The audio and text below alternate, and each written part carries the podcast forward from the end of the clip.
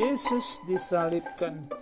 Bagian pertama, Yesus ditangkap. Matius 26 ayat 47 sampai 56. Ketika Yesus membangunkan murid-muridnya di taman itu, mereka melihat cahaya. Cahaya itu makin mendekat. Cahaya itu berasal dari obor-obor yang menyala. Segera murid-muridnya melihat bahwa serdadu-serdadu, bahwa tentara-tentara itu membawa obor itu. Lalu mereka melihat Yudas. Yudas ada bersama para serdadu itu. Yudas membawa serdadu itu kepada Yesus. Ketika mereka sudah dekat, Yudas pun mencium Yesus katanya, "Salam guru." Yudas mencium Yesus supaya serdadu-serdadu tahu yang mana Yesus.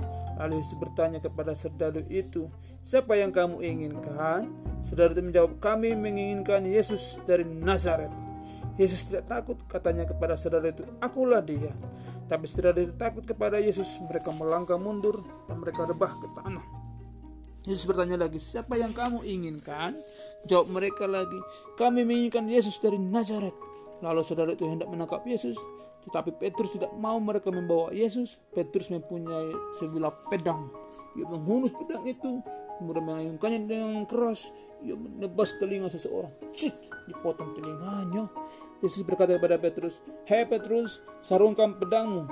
Kita tidak memerlukan pedang.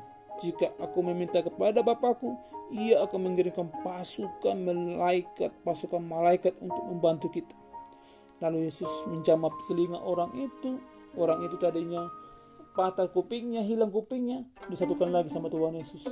Jadi bersatu kupingnya. Kata Yesus kepada saudara, tangkaplah aku. Tapi biarkan murid-muridku ini pergi, dia bilang. Jadi saudara itu hanya menangkap Yesus dan murid-muridnya ketakutan.